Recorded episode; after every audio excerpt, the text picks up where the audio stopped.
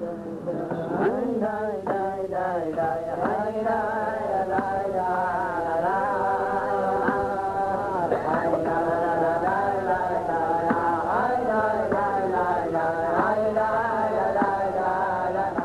שלום לכל המאזינים, אתם נמצאים איתנו בהסכת של דעת תורה מבית ישיבת מחניים, פרויקט יארצייט. בהסכת זה נעיר באלף ובעין דמויות חשובות בהיסטוריה ובהגות היהודית ביום פטירתם. אני ממש שמח שנמצא איתנו פה הרב יוסיף מילר. הרב יוסיף מילר הוא תלמיד חכם ופילוסוף, מלמד תורה ופילוסופיה בישיבות, מדרשות ומכינות. שלום הרב יוסף. שלום וברכה. אשמח שתפתח בלספר למאזינים שלנו את הקשר שלך לאישיותו ודמותו של הרב אלחנן וסרמן, המכונה בהגייה ישיבתית רב אלחונון. כן, אז uh, תודה על כך, תודה שהזמנתם אותי. Um, האמת היא שהדמות של רב אלחונון כבשה אותי עוד מילדותי. משהו בתמונה המרשימה שלו, בתפקיד המרכזי שהוא מילא בעיצוב האתוס החרדי, בפרט בתקופה שבין שתי המלחמות. משהו בניגוד הזה של אדם שנתפס כמאוד תקיף, מאוד פותח בעצמו, אבל מצד שני מאוד מתבטל לרבו החפץ חיים. משהו במרטיריות של מי שמת על קידוש השם בשואה, כבש אותי. אני חושב שגם היום אני מוצא את עצמי חוזר שוב ושוב לדמות הזאת ומבקש לפענח אותה, בגלל ש... אני חושב שהיא מהווה איזשהו גרעין מאוד עמוק להבנת תפיסות העולם החרדיות וגם כאלו שאינם חרדיות. אנחנו באמת ניגע בהמשך האם אה, רבי אלחונן ממשיך לשקף או שיקף איזה שהם מחשבות של החברה החרדית אולי בישראל אולי לא אה, אבל קודם נחזור חזרה ליסודות כדי להבין את הדמות יותר אשמח לשמוע קצת רקע איפה גדל רבי אלחונן מה הייתה רוח התקופה. אוקיי, אז באמת אמ, כבר עכשיו אני רוצה לציין אולי אה, כמה אמ, מאפיינים מרכזיים שאני חושב שכדאי עוד לפני שאנחנו מתחילים לדבר על תחנות בחיים שלו לציין כי הם אה, שיהיו ברקע. אה, דבר אחד זה שהעמדה הקיצונית שלו היא לא נבעה מבורות או היעדר ידע, הפוך. העמדה הבטוחה, המתבדלת, נבעה דווקא מהיכרות, היכרות שאפשר להגיד אפילו יותר עמוקה מדמויות אחרות בסביבתו, עם האתוס של העולם שכנגד, עם מה שהוא מציע. רב אלחונון היה אדם שהסתובב הרבה, פגש הרבה אנשים, הכיר הרבה אנשים. לפי המסופר הוא החזיק בישיבה בברנוביץ' עותק של אה, ביקורת התבונה הטהורה. אה, עוד בטיילס הוא הסתבך קצת בעניין הזה. אני חושב שאין לי עדיין שם מוצלח לזה, אבל אני חושב שאפשר לסווג אותו כסוג של אה, אמ, קנאי רפלקטיבי, או קנאי פתוח, או קנאי מודע, או משהו כזה. בהקשר הזה אני חושב שהוא מאוד דומה למורי ורבי רב שמואל אוירבך זצ"ל, כאילו יש איזשהו הקשר ביניהם גם כן, אנשים שידעו נגד מה הם יוצאים. הנקודה השנייה, שכמו שציינת ואנחנו נדבר על זה, הוא באמת ניסח הרבה מתפיסות העולם החרדיות, והשאלה עד כמה זה ממשיך להתקיים. ונקודה שלישית זה באמת הזיקה העמוקה בין ההגות הלמדנית עיונית שלו, הלומדס שלו, לבין ההגות הרעיונית שלו. אז ננסה לגעת בזה באמת. מעולה, אלו באמת אה, תכונות וקווים שטוב שיש ברקע, ונשמח לאיזה תיאור ביוגרפי, קורות חיים, איפה הוא למד, איפה הוא גדל, מה, מה קרה באותו הזמן. כן, אז רבי אלחונו נולד בעיירה ליטאית בשם בירס ב-1875, או תרל"ה, והוא לא הגיע ממשפחה מאוד מיוחסת, אבא שלו, אם אני לא טועה, היה שמש או משהו בבית כנסת. היה לו אח גדול אה, בשם רבי אליהו צדוק שחי כל ימיו בלטביה. בסוף ימיו עלה לארץ, התגורר בשערי חסד ויש הרבה התכתבות ביניהם. ובגיל, אה, בערך בגיל 15, 1890, הם עוברים לגור בעיר בויסק בלטביה. באותה שנה בדיוק, אני לא יודע אם לפני שהם הגיעו או אחרי שהם הגיעו, נפטר רבה של בויסק, רב מרדכי אליאסברג. הרב אליאסברג היה בוגר של ישיבת וולוז'ין, הוא היה אחד מרבני uh, תנועת חובבי ציון, ואחד מאלה שמפורסמים במיוחד בהיותו הדמות אולי הכי קיצונית בהיתר המחירה של השמיטה, הוא היה זה שהכי התיר את זה יותר מכולם. ולקח כמה שנים על כיסו של הרב אליאסברג בשנת תרנה, 1895, עלה הראיה קוק שהגיע להיות הרב בבויסק עד 1904 שהוא עלה ליפו. עכשיו באותה תקופה רב אלחונון כבר למד בטלס עוד שנייה נדבר על זה אבל uh, לפי עדויות uh, שהוא היה מגיע לבין הזמנים הביתה הוא היה לומד עם הראיה קוק כולל עדות על לימוד שלהם בחברותה. כן לימוד טור נכון? כן טור ובית יוסף. לפי כך סיפר נדמה לי שהרב צבי יהודה סיפר את ה... הוא המקור לסיפור הזה. יש מכתב של רב אלחונון משנת הרצאה, ממש הרב קוק על ערש דווי, שבו הוא כותב לאחיו ומתעניין בשלומו של הרב קוק. אז זה מעניין באמת העובדה הזאת שהוא נולד אולי באחד ממעוזי היהדות הציונית הראשיתית. אה, בערך באותה תקופה רב אלחונון הלך לבטלס, שם הוא למד אצל רב לייזר גורדון שהיה ראש הישיבה המפורסם של טלס. ועוד יותר אצל רב שמעון שקופ. שמעון שקופ היה רם בטלס במשך 20 שנה, ורב אלחונון הפך להיות מאוד כרוך אחריו. אשתו של רב שמעון העידה שכולם היו משגעים את רב שמעון, אני לא יודע. שהוא היה נשאר עד הלילה. אבל הוא, הבויסקאי, היה יותר מכולם. Uh, באמת uh, היחס של רב אלחונון לרב שמעון הוא כאילו ממשיך למשך שנים, זאת אומרת רב אלחונון מזכיר אותו לא מעט, אה, במחברותיו, אה, מאוד מאוד העריך אותו, הוא שלח את הבן שלו, רב נפתולי, ללמוד בגרוד נצר בשמן. אה, הוא היה אחד מהדוחפים להוצאת ספר, ספר היובל שיצא לאור כשרב שמעון הגיע לגבורות בשנת תרצ"ו, 1836. וזה למרות העובדה שרב שמעון היה בעל השקפה הרבה יותר מתונה בהרבה מהנושאים האלה. בכל זאת הוא שמר על קשר חם ועמוק איתו. אה, יש עוד אה, סיפורים משעשעים מהתקופה הזאת, אה, לפי המסופר הוא היה קורא כל בוקר את העיתון הרוסי, ופעם אחת לקחו לו את העיתון, לא? בתוך הבית מדרש, לקחו לו את העיתון והטילו עליו קנס. אז הוא בא לבלייזר גורדון ואמר לו, תראה, את הקנס אני יכול לשלם, אבל מה הקשר לעיתון? העיתון שלי, תחזירו לי אותו. בסופו של דבר, לפי המסופר, הוא קיבל אישור לקרוא עיתון רוסי כל בוקר בבית המדרש. גם זה מראה את הדיכוטומיות, אמר אם מותר לקרוא את זה, מותר לקרוא את זה גם בבית המדרש, ואם אסור, אסור בכל מקרה. נכון, כן, זו נקודה מעניינת, אבל מעניין אם אפשר לזהות, אני לא יודע מתי בדיוק חל השינוי אצלו בגישה הזאת. אה, הוא ישב בטיילס בערך משהו כמו שבע שנים, ובשנת 97, אה, 1897, תרנז, אז הוא פגש בעיירת הנופש ליבאו בלטביה את רב חיים. וזה תפס אותו, כבש אותו, והוא פשוט נסע ללמוד אצל רב חיים בבריסק. יש, אה, הבן של רב אלחונן, הבן הגדול של רב אלחונן, רב שמחה וסרמן, העיד שאבא שלו אמר שהלימוד אצל רב שמעון היה הכנה ללימוד אצל רב חיים. מעניין מאוד ששני דמויות כל כך שונות בעולם הלומדס בעצם אחד הכשיר אותו בשביל השני אולי אולי נדבר על זה קצת בהמשך.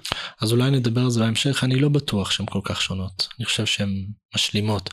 הדבר המעניין ונדבר על זה בהמשך שלמרות הקשר ההדוק שלו עם שני הדמויות האלה שעוד מעט נראה שהמשיך בכל זאת הקשר שלו עם החופץ חיים העפיל עליהם ואני גם אנסה להתייחס לזה כי אני חושב שזה נקודת מפתח להבנת אה, דמותו. ב-1899 תרנת, אז הוא נשא לאישה את אה, מיכלה, או מיכלה, לא יודע איך חוגים את זה בדיוק, ביתו של רב מאיר אטלס, רב מאיר אטלס היה באותה תקופה רבה של סלנט, העיירה המיתולוגית המפורסמת, ולפני זה עוד הוא היה בעצם אחד ממייסדי ישיבת אלס.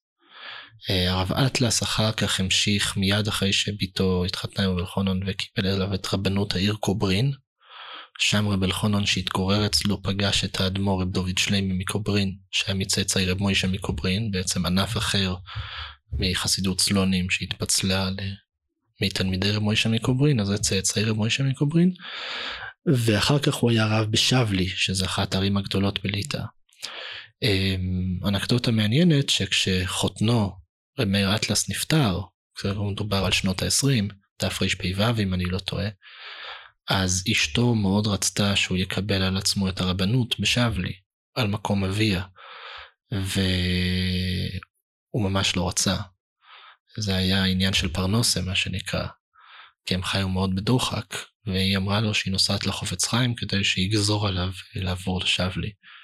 והיא כבר עמדה לעלות על העגלה, והיא ראתה אותו עומד ובוכה. אז היא ריחמה עליו וויתרה. ניתנה לו להישאר ברנוביץ. מה שהוא לא רצה בעצם זה לעזוב את הישיבה שבה הוא נכון? הוא לא רצה להיות רב, לא רצה להיות רב, שזה מעניין, זאת אומרת, הוא היה נחוש, זה משהו מאוד עקבי עליו, נחישות, עקביות, והוא סירב להיות רב. אולי באמת נשמע קצת על זה כי אולי אולי אפשר להציע שאפילו יותר מלמדן גדול ובעל מחשבה מקורית רבי אלחנן וסרמן היה איש חינוך ומרביץ תורה. הייתי שמח שתספר אולי על שיטתו החינוכית בישיבה. אז עוד לפני שאני אנסה אולי להמשיג טיפה את שיטתו החינוכית בישיבה מעניין לראות את ההתפתחות שלו כראש ישיבה. אמ, בשנת 1904 או 3 בעצם תרס"ג אז הוא קיבל הצעה להיות רב במוסקבה, והוא סירב. באותה תקופה הציעו לו להיות ראש ישיבה בישיבה קטנה בעיירה אמצ'יסלב, שנמצאת בבלארוס, והוא הסכים. והוא קיבל על עצמו את ראשות הישיבה, לצידו עמד בראשות הישיבה רבי יואל ברנצ'יק, אחד מגדולי תלמידי הסבא מנוברדוק, אבל אחרי שנה הוא פוטר ככל הנראה, ככל הנראה הוא פוטר, הוא עזב, אני לא יודע אם פוטר או לא, ככל הנראה הוא פוטר, וככל הנראה בעקבות מרד של בחורים שרצו ללמוד רוסית ותמיכה של פטרוני הישיבה בעניין, כאשר הוא התנגד. הוא חזר ל... לקוברין כנראה, או לאשתו, ואחרי אה, שנתיים בתרס"ז הוא נסע ללמוד בכולל קודשים, אצל החופץ חיים. ושם התחילה אצלו תקופה חדשה. בעצם מגיע בן אדם שהוא כבר בן 32, יש לו איזשהו כבר ניסיון חינוכי מסוים, והוא פוגש את החובץ חיים והוא נכבש לחלוטין. אה, הוא פשוט הפך לסוג של חסיד של החופץ חיים, הוא היה אפילו מפסיק ללמוד כדי לשמוע כל שיחה של חפץ חיים, הוא היה עוקב, פעם אחד התלמידים אמר לו שמה שחפץ חיים אמר הפעם זה בדיוק מה שהוא אמר שנה שעברה, אז הוא אמר לו, הוא הוסיף שמונה מילים חדשות, הוא ממש היה מדייק בכל מילה, הוא אמר שדברי החפץ חיים הם כמו אחד מהראשונים. גם החופץ חיים מאוד העריך אותו, אשר בלחונן היה בא אליו בשנים יותר מאוחרות, הוא היה לובש בגדי שבת. ורבי אלחנון באמת היה מקפיד תמיד להגיע כל שנה לאלול וימים נוראים אצל החובץ חיים ברדין. מעבר לעוד המון ביקורים שהיה לו, כי יכול חיים לאט לאט הכניס אותו להיות נציג שלו בכל מיני ענייני כלל. גם החפץ חיים ראה בו בעצם את אה, בחיר תלמידיו, מסופר על אה, אולי סוף חייו של החפץ חיים על הימים נוראים האחרונים. נכון, אז זה באמת סיפור מאוד יפה, מאוד מרגש, של אה, הסופר רב דוד זריצקי, שמתאר את השמחת תורה האחרונה של החופץ חיים, אה, כאשר החופץ חיים היה חלש מדי מכדי ללכת לישיבה, או בעצם בשנים האחרונות בכלל להתפלל בבית ומניין בבית.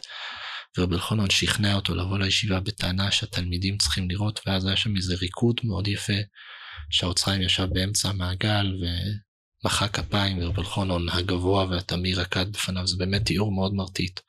כי אפשר למצוא אותו ברשת, כדאי לקרוא אותו, זה תיאור ככה נורא מרגש, מאוד נוגע ללב. נכון, גם בהלוויה הוא בעצם אה, דיבר והיה איזשהו באמת איזשהו העברה ביניהם. זה מעניין גם, זאת אומרת שהמנהיג השני, או אפילו של יהדות פולין, ליטא, רוסיה, רב חיים מויזר גרוג'ינסקי, אז הוא נשא בזיווג שני לאישה את גיסתו של בלחונון, אחות של אשתו. וזה גם כן איכשהו הידק את העניין, אבל נגיע לזה בהמשך. ב... היה גם את הסיפור המפורסם של אה, הוצאת הדיבוק שהתרחשה בתרס"ט. רב אלחונון היה מספר רוצה כל שנה בסעודת פורים. באמת היו שם עוד, אה, עוד אנשים מפורסמים מאוד, רבי ירוחם, ממיר, הרב כהנמן, רב שולם איישי שוקר, אה, רב אליהו דושניצר, רב נפתולי טרופ, כולם היו, זה היה חבורה מאוד מעניינת מה שהיה שם בקוילל קודשים. והוא היה מספר את זה, הנוסח של הסיפור שיש בידינו היום זה בעצם נוסח שהעלה על הכתב בנו של רבי אלחונן, רב ציוד אלי בנו הקטן. וזה הנוסח של הסיפור שמופיע בכתבים. במכתב משנים מאוחרות, אז רבי אלחונון כותב לתלמידו, רבי משה מאיר יושור, שהוציא את הספר אה, החפץ חיים חייו ופועלו בארצות הברית, אז הוא כותב לו שהוא בעצמו התחיל לכתוב ספר זיכרונות על החופץ חיים, אבל אין לו זמן, והוא, יכול להיות שהוא גם שלח לו חלק מהדברים שהוא כתב. ב-1910 תר"ע הוא קיבל תפקיד להיות ראש ישיבת צעירים בבריסק. בבריסק היו שתי ישיבות, הם היו תחת חסותו של רב חיים, אבל רב חיים לא ממש ניהל אותם ביום יום. הייתה ישיבה גדולה, ששם הראשיב היה עם רב מוישה, רב מוישה סוקולובסקי, והיה ישיבה קטנה. שוב, זה מעניין גם הקשר תמיד של רב אלחונון עם ישיבה קטנה, שחוזרת שוב ושוב בחייו. ו... רב אלחונון אה, היה ראש ישיבה שם במשך ארבע שנים עד לפרוץ מלחמת העולם הראשונה. מספרים שלא תמיד אה, ההחלטות שלו כראש ישיבה אולי היו שגרתיות, נגיד הוא היה ממש אה, בעד לימוד מסכתות, לא קלאסיות של ישיבה. נכון, כן, למרות שצריך לשים לב שהמילה קלאסיות ולא קלאסיות זה קצת אנכרוניסטי, כי באותה תקופה מתגבש הקלאסיות. אז אולי הניסוח הוא יותר לא אטרקטיביות בעיני הבחורים אז, נכון. אז באמת התרומה של רב אלחונון למסכתות שהן היום דווקא כן נמצאות בישיבות, לפחות במעגל שני, כמו פסוחים, ביצה, חולין, דברים כאלה, אז באמת היא חשובה מאוד, גם אה, ספריו בהקשר הזה חשובים. נכון. עם פרוץ מלחמת העולם הראשונה, אז היהודים גורשו מבריסק, רב חיים עצמו נסע למינסק, שם הוא שהה ונפטר לקראת סוף המלחמה ב-1918, רב אלחונון נסע עם משפחתו לרדין, להיות עם החופץ חיים. ואז בעצם הוא מצטרף למשך 6-7 שנים להיות חלק מהנהלת ישיבת רדין. בהתחלה הוא, החופץ חיים החליט לפצל את הישיבה, הוא השאיר את רמוישה לנדינסקי, ראש ישיבה בפלג ברדין, והוא עצמו נסע לעיר בשם אה, סמילוביץ' בבלארוס, ורב אלחונון הוא חלק מצוות הישיבה ללא מינוי רשמי. בהמשך החופץ חיים המשיך להתקדם הלאה לסומיאץ ליד מוילב, ורב אלחונון נשאר ראש הישיבה בסמילוביץ'. באותו תקופה בעצם רב אלחונון התחיל להתנסות בחוויה של החזקת ישיבה. הוא רצה שחוץ חיים יעזור, חוץ חיים אמר לו לא לא, יש לי את הישיבה שלי, אני לא יכול לתת את זה בסוף, אחרי דין ודברים הם קיבלו איזה הסכם ש... שהוא יוכל לקרוא לישיבה שלו ענף ישיבת חפץ חיים או משהו כזו, ישיבת ענף חפץ חיים, וככה הוא יוכל אה, באמת אה, לגייס כספים. בין היתר הוא נעזר ביהודי בשם דוד פוטש, שהיה בעל ממון. אמ, שהפגיש אותו גם עם הרוגצ'ובר, שאמר שרבל חונון הוא מלמד תינוקות טוב. אה, לימים הרב פוטש הזה נשללו ממנו כל נכסיו בידי הבולשביקים, הוא עלה לתל אביב, ויש לא מעט התכתבויות שרבל חונון איתו, ושלו עם רב חיים מויזר ועם החזון איש, אז זה כאילו הוא דמות כזאת שהגיעה באמת לארץ, והשאיר לנו יבול. אחרי שוך מלחמת העולם הראשונה, החופץ חיים נשאר עוד בבלארוס. אבל ב-21, החופץ חיים החליט שזהו, שצריך לעזוב את ברית המועצות. אה, ידוע שאחרי זה החופץ חיים אמר שאולי הוא מתחרט על זה, שהם צריכים להישאר ולמסור את הנפש. בכל אופן, הם מבריחים את הגבול או משיגים אישור לעבור את הגבול, אני לא זוכר את הפרטים, ומגיעים לברנוביץ. החופץ חיים ממשיך בחזרה לרדין, רב אלחונון מקבל את הישיבה בברנוביץ', ישיבה שהוקמה במקור על ידי הסבא מנוברדוק, ובראשה עמד במשך תקופה מסוימת חתנו הגדול של הסבא מנוברדוק, רב אברום יפן, ובמשך כל השנים שימש בה כמשגיח רב ישראל יעקב לוביצ'נסקי, שהיה החתן הצעיר של הסבא מנוברדוק, ובנו של הרב הראשון של ברנוביץ. רב אלחונון מאוד העריך אותו. ומאז רב אלחונון באמת נכנס להיות uh, ראש ישיבה ברמ"ח ושס"ה בישיבת אוהלתר עד שהיא הפכה להיות מזוהה איתו. שאלה שמעניינת אותי, הזכרת פה לא מעט אה, בעצם דמויות ממה שאפשר לקרוא לו תנועת המוסר. האם לרב אלחן וסרמן היה קשר הדוק לתנועת המוסר? אז זה מעניין באמת, בהקשר הזה הנקודה הזאת מעניינת. אה, על פניו רב אלחונון לא היה חלק מתנועת המוסר הרשמית. או הישיבה שלו הייתה שייכת יותר לאגף הפחות מוסרי בישיבות ליטא. הקשר עם סלובודקי היה יותר חלש, הקשר עם קמניץ או קלייצק היה יותר חזק, משהו כזה. אבל הוא כן הביא, אפשר לקרוא לו את הטוויסט המוסרי של, של החופץ חיים. אני חושב שברנוביץ' הייתה הישיבה הראשונה שבה למדו משנה ברורה בכל יום. אז, אה, אז היה שם איזשהו משהו מוסרי, גם אם לא מוסר במובן הטבעי. מה שכן, ואני חושב שזה אחד המאפיינים המרתקים על הדמות הזאת, כמה שהוא היה תקיף, נחרץ ובוטח בעצמו כפי שעוד נראה, הוא היה מאוד אה, אהב להכיר אנשים אחרים ודמויות נוספות. ובהקשר הזה, זאת אומרת, הוא בהחלט אה, עמד בקשרים עם מגוון רחב של אנשים ונהנה מזה. וברנוביץ' למשל היה לו קשר הדוק עם קהילת חסידי סלונים שפעלה שם בייס אברום, ובנו האדמו"ר הצעיר שנרצח בשואה, רב שלימה דוד יהושע, וגם עם אחד מדמויות ההוד של חסידות סלונים, רב מוישה מיידנר.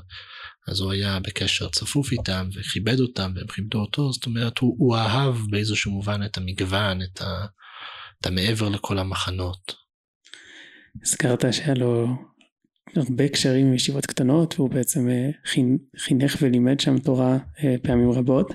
הייתי שמח באמת שתחזור להמשגות של שיטתו החינוכית. כן, אז אני אתחיל עם שיטתו החינוכית ואולי אחר כך נתקדם למפעל התורני. אמ, שיטתו החינוכית, אז הוא בנה את הישיבה קודם כל בצורה מתודית, הייתי אומר לא אקדמאית, אבל יש שם איזשהו אינספיריישן או אינטואיציה של איזושהי שיטתיות מתודית. קודם כל הוא חילק בעצם את הישיבה לישיבה קטנה ולשנתיים ראשונות של ישיבה גדולה. זה היה ארבע שנים ישיבה קטנה שנקראה בשלב מסוים ענף אוהל תורה. והעיקר היה שיעור ה' ושיעור ו'. שיעור ה' היה שנה, שני זמנים, ושיעור ו' היה שלוש זמנים, שנה וחצי. בחלק מהשנים הוא לימד גם בשיעור ה' וגם בשיעור ו', ובהמשך הוא הביא ללמד בשיעור ה' קודם את רב שני מהיימן, אחד מגדולי תלמידי אה, רב רוחבר, ליבוביץ', ואחר כך רב שני מהיימן נסע לארצות הברית, היה ראש ישיבת תורה ודעת שם, שהיה ידוע אז בחוגי הישיבות בשם העילוי מפריץ'. ואחר כך הוא הביא באמת את אחד מבוגרי כולל סלבודקה, כולל קובנה סלבודקה, רב דוד רפפורט, בעל הצמח דוד ואחר כך המקדש דוד. אמ, אז הם עשו שיעור בשיעור ה'. רב אלחונון מאוד הקפיד על המבנה, זאת אומרת, אף בחור אמר שאפילו אם מר ברבשי יגיע, הוא יצטרך להיכנס קודם לשיעור ה' ואז לשיעור ו'. אין קיצורי דרך, הוא מאוד הקפיד על נוכחות בשיעורים, הוא היה עומד בדלת ומכניס בחור בחור. ומי שלא קיבל אישור להיכנס, פשוט לא היה נותן לו להיכנס. לא היו שם שאלות בשיעורים, שיעורים היו מאוד אה, מדויקים, והוא... ולא רק זה, בסיום כל פרק הוא היה חוזר שוב על אותו שיעור בדיוק, חוזר על הפרק, חוזר על אותם שיעורים בדיוק, כשהוא מתייחס לעצמו בגוף שלישי, זאת אומרת, אומר משהו כמו, ש, אה, נשאל, נענה, שאלנו, אבל לא, כאילו, לא אני אמרתי, לא אני, כאילו, מתייחס למה שהוא כבר הביא כמין חלק מהקוריקולום, זה כבר הפך להיות חלק מה... אמ, אחר כך, אה, בחורים שרצו להישאר שם אחרי שהם סיימו את השיעור ו', אז הם נשארו שם בקיבוץ קטן שהיה אומר להם שיעורים בשבתות, אבל רובם התקדמו לישיבות כמו מיר, גרודנה, טלס, בריסק, אצל אריה בריסקרו ועוד.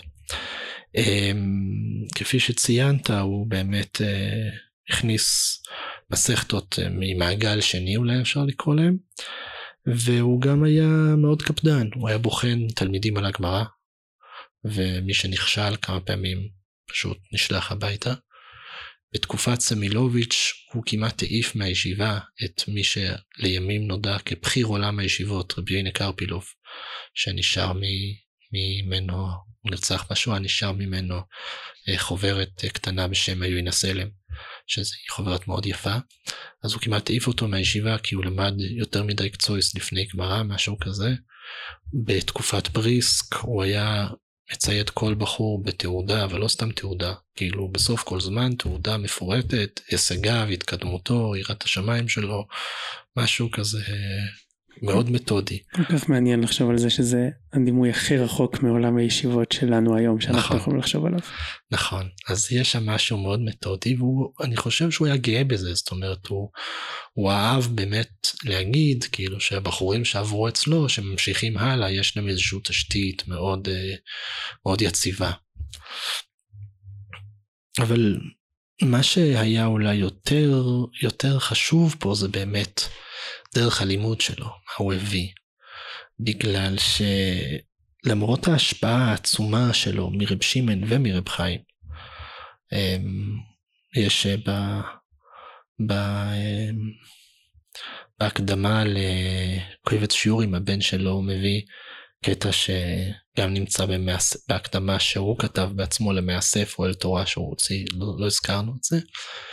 אמ, אז הוא מצטט בשם רב חיים מבריסק, לחדש חידושים אינו מתאים לנו, דבר זה רק הראשונים ז"ל היה בכוחם. עלינו להשתדל רק להבין את הכתוב. זה בעצם האמרה המפורסמת של רב חיים ששואלים מה ולא שואלים למה. אני לא בטוח שזו הכוונה, אבל זה מה שאוהבים לצטט, עוד שנייה אני אגיד על זה משהו. ורבי יחנון מוסיף עוד משהו. זה אפשרי רק אם מטרת הלומד תהיה אך ורק בקשת האמת לשם האמת ולא לשם תכלית אחרת. אז הוא מוסיף כאן כאילו תנאי מקדים לאפשרות הזאת היא בקשת האמת, איזושהי חתירה לאמת. ובמובן הזה הוא, הוא מתיך, הייתי אומר, את רב שמעון ורב אלחונון ורב חיים לתוך משהו חדש. הוא, החידושים שלו, וזה בולט מאוד בכל הספרים שלו, הם קצרים, ממוקדים, הם הערות קצרות, הם לא מערכות ארוכות. גם אם יש שרשור, שזה מצוי יותר בקויבץ אורס, קצת פחות בקויבץ שיעורים, אפשר להיכנס כמעט בכל שלב בשרשור לנושא. זה לא משהו שאם לא קראת את כל הסעיפים שלפני, קשה לך להיכנס. היית אומר שהמשפט הזה הוא גם קצת אה, רפלקטיבי על שיטתם של רב שמעון ורב חיים? כן, זאת אומרת רב שמעון ורב חיים תובעים מהלומד בוא נגיד, לעשות איזושהי עבודה מקיפה מאוד, להיכנס, להיכנס לתוכם. ואילו רב אלחונון בעצם מחלץ את זה והופך את זה למשהו שיכול להיות ממוקד ועל הדף. וזה גם חלק מהקסם של הספרים שלו. הם נגישים מאוד, אתה פותח, אתה ישר מבין. הזמן שלוקח לבן תורה, למדן, לגשת רב חיים או רב שמעון הוא הרבה יותר ארוך מהזמן שנדרש לצלול לפסקה מרבל חונון. אתה נכנס ויוצא, וזה מאוד ממוקד, מאוד חד. יש לו משפט שאומר, אה, מסביר הגיוני הוא זה שבהסברתו לא חוזר על מילה אחת מיותרת, ולא חסר שום מילה. משהו כזה. אז כאילו ממש הוא מנסה להיות חד ממוקד ולפי העדויות הוא משקיע בזה המון המון זמן. מעניין אם באמת אולי שיטת הלימוד פה קשורה באופן אינהרנטי לשיטת החינוך. משהו שיכול יותר להתיישב על לב הצעיר, מישהו שצריך משהו חד, חלק, לא עכשיו איזה חידושים, חקירות כאלה. כן, אז זאת אני לא חושב בהקשר הזה שיש שינוי עומק מבחינת הרעיונות או השפה. יש חקירות, יש פשוט הנגשה אחרת של זה, ואני חושב שההנגשה שלו היא חלק מהקסם שלו, זאת אומרת, הוא מצליח לחלץ ממה שהם עושים משהו חדש, וזה נפלא, זה פשוט נפלא, זה כובש מאוד. אמ, אולי גם כדאי לחדד, זאת אומרת, ועוד שנייה נחזור על זה גם שנגיע לדבר על הגותו הרעיונית, שאגב שם היא פחות, היא גם מאוד חדה, אבל היא פחות ממוקדת, שם יותר מורכבת. אבל אה, אני חושב ש... נקודה מעניינת בהקשר הזה זה באמת העובדה שהוא לא חושב שאנחנו לא אמורים להסביר הסברים, הוא פשוט חושב, ואנחנו ניגע בזה, שאנחנו לעולם לא יכולים לחלץ חידוש במובן של משהו חדש, מסקנה חדשה. שאנחנו כן צריכים לעשות זה להבהיר את מה שאנחנו כבר יודעים. אנחנו סומכים על מה שנאמר, אנחנו צריכים להבהיר את זה. הכל כבר קיים בתוך התורה, בתוך עולם הלימוד. לפני, עוד לפני הכל קיים בתוך התורה, בוא, בוא נהיה כרגע יותר מצומצמים. הכל קיים בתוך החידוש של הרשב"ו, בתוך החידוש של הרמב"ן. אין לי ללמדן החדש, ללמדן של שנות ה-20 יכולת להגיד הסבר חדש בגמרא. לא כי הוא לא יכול לחשוב עליה, אלא פשוט מאוד כי לעולם תישאר ספקולטיבית. מה שהוא כן יכול לעשות, זה לעשות משהו אחר. הוא יכול לקרוא את הרשב"ו ולהבין אותו מאוד טוב. ובהקשר הזה להבין אותו מאוד טוב בעצם תובע יכולת לתרגם אותו למסר קצר, בהיר, חד. מרתק, אז באמת אנחנו מכירים אולי קצת ופותחים את הספרים שלו בעולם הישיבות, אבל אולי פה הנחנו קצת יותר יסודות ל... איך הוא חושב, מה הוא מנסה בעצם להפיק אה, בלמדנותו. הייתי שמח שנעבור לדבר על התיאולוגיה של רבי אלחונון. לדוגמה, הוא מרבה לכתוב על מושג האמונה בכל תחילת אה, קובץ מאמרים ואיגרות. הייתי שמח אם תנסה לפרוט מהם עיקרי שיטתו המחשבתיים. אוקיי. Okay. משימה קשה בסוף הכתיבה היא לא, מאוד. אז נכון זו משימה לא פשוטה ואני חושב על שבהחלט אפשר להצביע על כמה דברים אבל זה מין מבנה שמתקדם משלב לשלב אז נדבר על זה. אמ, רבי אלחונון כהוגה, א' כל הוא, זה תהליך שקורה לו יותר בעשור של שנות השלושים. לפי המסופר, החופץ חיים שלח להגיד לו שהוא רוצה שהוא יתחיל לפרסם בבמות שונות. עכשיו זה בעצם אומר שבשנות השלושים הוא פתאום נהיה סוג של, אה, לא הייתי רוצה להגיד אה, עיתונאי, אבל פובליציסט. הוא מתחיל לכתוב. אה, באופן משעשע או, או מוזר לנו היום, אפילו בארצות הברית, במסע שלו שם, ועוד נדבר על זה, אז הוא קיים פולמוס מול איזשהו עיתונאי יהודי אורתודוקסי, ועל פולמוס על דפי העיתונאות, והוא כעס עליו שהוא, שהוא עושה לו אינטרפטציה לא נכונה, והוא שלח כמה מכתבים למערכת, זאת אומרת, הוא, הוא לקח את התפקיד הזה מאוד ברצינות, למרות שאולי אפשר להגיד שזה קצת פחות חשוב או משהו כזה. באיזה שפה הוא כותב? הוא כותב בעיקר ביידיש, אה, אבל חלק מעט גם בעברית, אני חושב, או בלשון הקודש, לא בעברית, ורוב הדברים שלו מתורגמים, חלקם גם בידיעתו. אה, אני חושב שהמפתח להבין את הגותו הרעיונית קשור למשהו שהוא אמר בהלוויה של החופץ חיים, שגם מסביר את ה... את הזיקה העמוקה שלו לחופץ חיים, ואני קורא. אז זה מתוך ההספד שלו, החופץ חיים. הנה יש בית חלקים בגמרא, הלכה ואגדה. ולכאורה אנו נאמר שההלכה קשה מאגדה, אבל האמת אינו כן. האגדה קשה מההלכה. כי מההלכה יכול כל אחד להוציא את פסק ההלכה. אבל מהאגדה קשה להוציא את פסק ההלכה. החפץ חיים הוציא מהאגדה את ההלכה, כמו שרואים אנו מספריו הקדושים. אז הוא ממשיך. יש כאן אני חושב רעיון שהוא רעיון מפתיע, זאת אומרת אולי זה המפתח להבין את, ה... את החוץ חיים. אנחנו רגילים לחשוב או לקבל את תפיסת העולם שיש לה ביטוי מפורש ברמב"ם בכמה מקומות, במאירי, בעוד ראשונים, בריבוש אם אני לא טועה, שאין דבר כזה פסק הלכה בענייני אגדה. שם נשאר פתוח. הלכה היא נוגעת לשאלות מעשיות.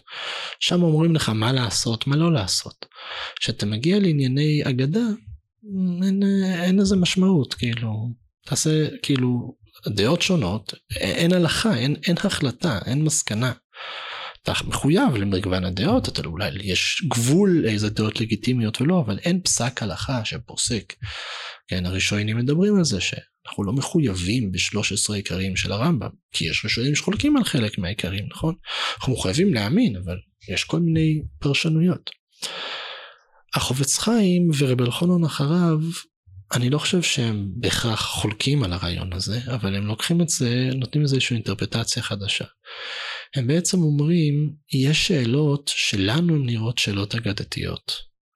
אבל גם בהם יש פסק הלכה, שאלות ציבוריות, שאלות של תפיסת עולם, ופתאום נהיה פה מקצוע חדש, היכולת לחלץ מסקנות הלכתיות, כלומר מחייבות, מתוך קטעי אגדה. קל לחשוב שהחופץ חיים עושה את זה בחיבורו על שמירת הלשון, בספר אהבס חסד, שהוא ספר מופלא, שבו בעצם יוצר דיני חסד. אבל בעצם רב אלחונון מבין שזה הפרויקט של החופץ חיים. ואני חושב שזה גם יכול להסביר בעצם את ההתבטלות העמוקה של בן אדם שהיה קרוב הן לרב שמעון והן לרב חיים לחופץ חיים. כי פתאום הוא רואה פה דמות שעושה משהו שאף אחד אחר לא עושה. הוא יוצר הלכות מדברי אגדה. והוא מרגיש שפה יש מפתח לענות על השאלות התקופה. מעניין שציינת שזה מקצוע חדש, הרי כל מה שרב אלחונן ינסה אחר כך בהמשך כשנדבר על, על הציונות לטעון זה שהיום יש הפרדה בנושא ובעצם הולכים לשמוע על ענייני השקופה מאנשים אחרים ולא בהכרח מרבנים ופעם זה לא היה ככה, פעם בעצם הרב היה אחראי גם על עולם ההלכה וגם על עולם המחשבה. זה עניין אותי שציינת שזה דווקא מקצוע חדש. כן, אז אני, אז אולי ננסח יותר מדויק מה התכוונתי, זאת אומרת, הוא בהחלט מתלונן על זה שבעבר, בעידן הטרום אמנציפוטורי, או בעידן העתיק, אז הקהילה הייתה בעצם המוסד החברתי שאליו הבן אדם משתייך, ולרב היה סמכות פוליטית וחברתית, וזה עבד באמנציפציה. אבל הוא גם מבין שקרה שינוי. אז הוא בעצם אומר, התלמיד חכם, תפקידו לחלץ את המסקנה ההלכתית כהלכה, ולכן יש פה אולי משהו שמבחינתו הוא לא חדש לחלוטין, כי זה ממשיך את המסורת שתמיד הייתה, אבל יש לו לבוש חדש, את הלבוש של המאה ה-19-20. ככה זה נראה עכשיו. במובן הזה זה חדש. אני חושב, אם יורשה לי להוסיף, שזה גם אה, מקבל ביטוי בפולמוס מעניין ומפורסם שהוא מנהל עם החזון איש, על העניין הזה של... אה, של אה, סמכות חכמים? של סמכות חכמים נכון. אז אה, ב, בספר בעצם זה הספר הראשון שהוא מוציא בתרפ"ד כן 24 כן שנה הבאה ימלאו 100 שנים לספר מיד אחרי שהוא מתמנה לראש הישיבה, זה החיבור הראשון שהוא מפרסם. אז בחיבור הזה דברי סופרים, שהיום כלול בקובץ שיעורים חלק ב', אז uh, הוא מדבר על מנסה להמשיג הלכתית את סמכותם של החכמים. שוב כאן המקום ההיברידי הזה שבין הלכה לקצת אגדה או חלק קצת פחות הלכתי באופן מובהק.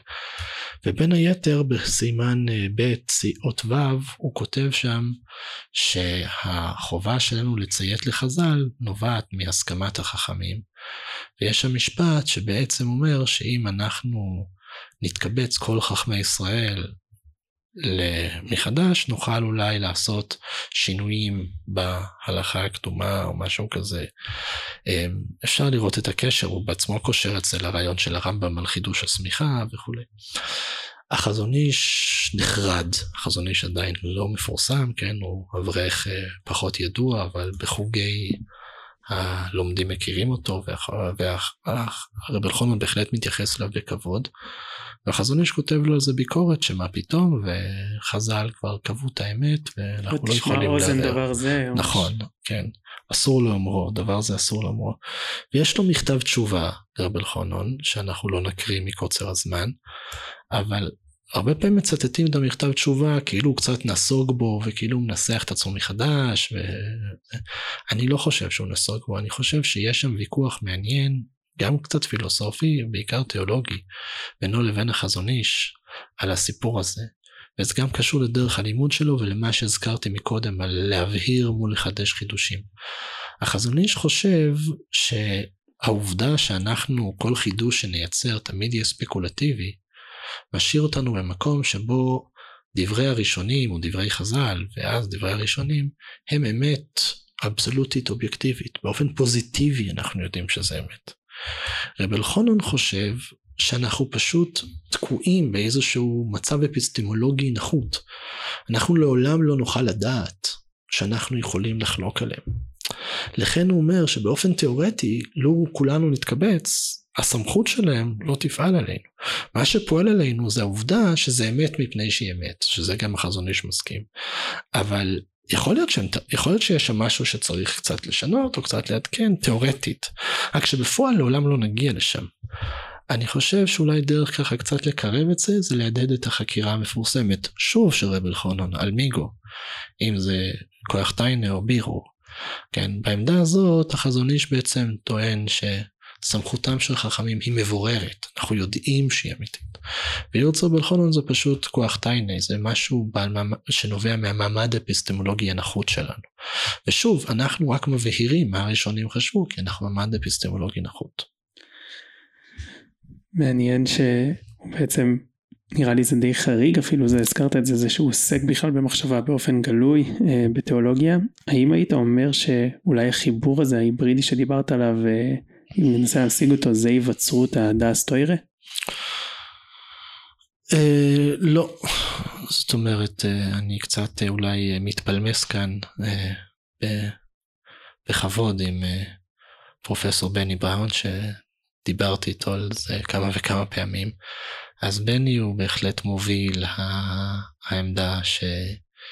שדסטר כמושג חדש זה משהו שהתפתח אצל החופץ חיים ועבר איזושהי התפתחות אצלו בלחונון וכן הלאה יש לו איזשהו תיאור של הציר מה קורה עם המושג הזה. אה, הוא גם מסכים שיש לזה שורשים קדומים וכולי אבל אומרת, מבחינתו יש את המאמר המפורסם שלו שלושה שלבים בהתפתחות דעת תורה וכולי. אני לא מסכים עם זה, אני חושב שדעת תראה תמיד קיימת, כמו שציינו מקודם, אבל יש כאן אה, משהו טיפה אחר, זאת אומרת, ושוב פעם זה חוזר לנקודה הזאת. התורה מחייבת אותנו כי היא אמת. היא מחייבת אותנו כי מה שכתוב שם נכון.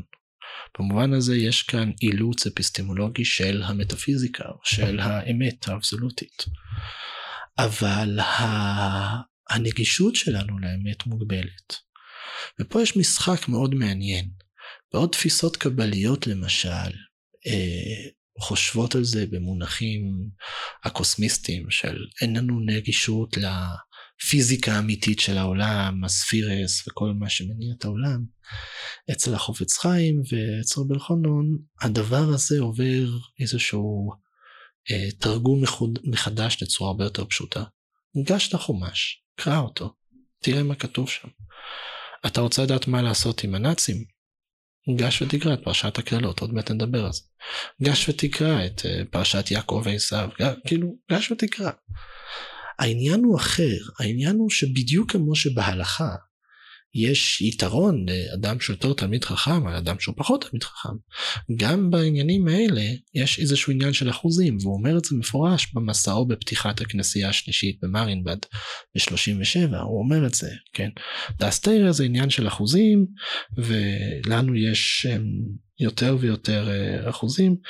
ו... הוא מדבר על חפץ חיים כמאה אחוז נכון, נכון נכון הוא מציין את חפץ חיים גם בהספד שלו הוא מציין את חפץ חיים גם בעוד מקומות. יש איזשהו סולם. ואנחנו פשוט צריכים להיכנע לאמת מפני שהיא אמת. הכניעה לדעת תורה היא פשוט כניעה למישהו שהוא מה לעשות. אתה בעצמך מכיר בזה שהוא יותר חכם ממך.